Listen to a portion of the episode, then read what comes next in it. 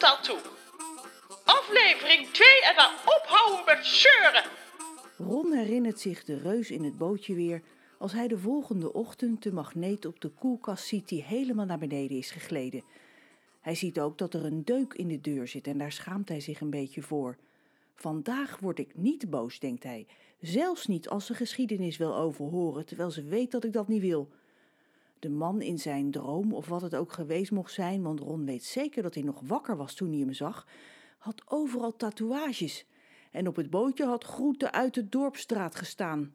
Wat zou dat betekenen? Zou hij, als hij na school naar de dorpstraat zou fietsen, zomaar die enorme getatoeëerde reus tegenkomen? En wat zou hij daarna moeten doen? Hem de hand schudden en zeggen dat hij een tatoeage wil van de piratenvlag? Of niks zeggen en gewoon doorfietsen? Komt tijd, komt raad, zegt zijn oma altijd, dus hij ziet wel wat er gebeurt.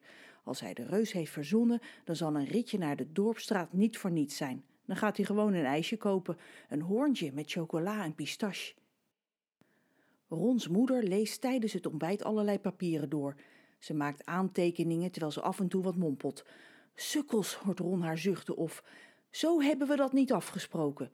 Ze is directeur van een spaghettifabriek, maar Ron krijgt nooit spaghetti. Ook geen macaroni of andere pasta trouwens. Ik heb geen zin om ook nog eens tijdens het eten met mijn werk geconfronteerd te worden, zegt ze vermoeid als hij erom vraagt. Dus eet Ron aardappelen, rijst en pizza, maar dat laatste krijgt hij alleen als hij jarig is. Mam, zegt hij, terwijl zijn moeder de papieren in haar werktas stopt. Hm, antwoordt ze, net als gisteren. Sorry voor de deuk in de koelkastdeur. Hm, ze luistert niet, merkt Ron. Hij kan er nu alles vragen. Ik ga vanmiddag een tatoeage laten zetten, oké? Hij wacht het antwoord van zijn moeder niet af, maar pakt snel zijn schooltas en broodtrommel en loopt naar de keukendeur. Als je dat maar laat, hoort hij als hij de deur achter zich dichtslaat. Hij kijkt door het raam naar zijn moeder, die met haar tas om haar schouder naast de eettafel staat. Ze kijkt hem boos aan, maar als hij zijn tong uitsteekt, doet zij hetzelfde. Ze valt best mee. En hij meende het heus niet van die tatoeage. Ah, of misschien maar een beetje. Ron vindt elke schooldag veel te lang duren, maar vandaag zijn de wijzers op de klok aan de muur helemaal niet vooruit te branden. Tijdens de rekenles tekent hij piratenvlaggen in zijn schrift en denkt hij aan de reus. En Ron, wat is het goede antwoord? Ron schrikt als de stem van de meester zijn gedachten doorboort. Veertien, gokt hij, terwijl hij zijn wangen warm en rood voelt worden. Het is nog goed ook. De meester kijkt hem argwanend aan. Ik dacht dat je niet oplette, maar ik heb me blijkbaar vergist, zegt hij, terwijl hij zijn leesbril omhoog duwt.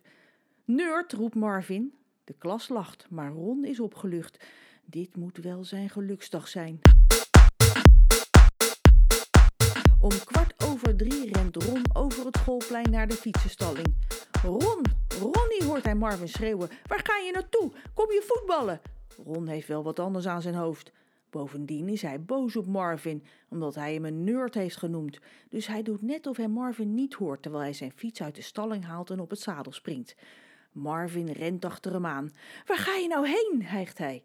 Marvin trekt aan de bagagedrager van Rons fiets en Ron zelf kukelt bijna om. Gaat je niks aan? Waarom niet? Is het geheim of zo? Nee, het gaat je gewoon niks aan. Marvin laat de bagagedrager los en Ron gaat snel op de trapper staan. Hij fietst zo hard als hij kan het schoolplein af. Je mag nooit meer meedoen met voetballen, roept Marvin hem na. Nerd! Dit was hem weer. Vond je het leuk? Anders zoek ik je wel even op.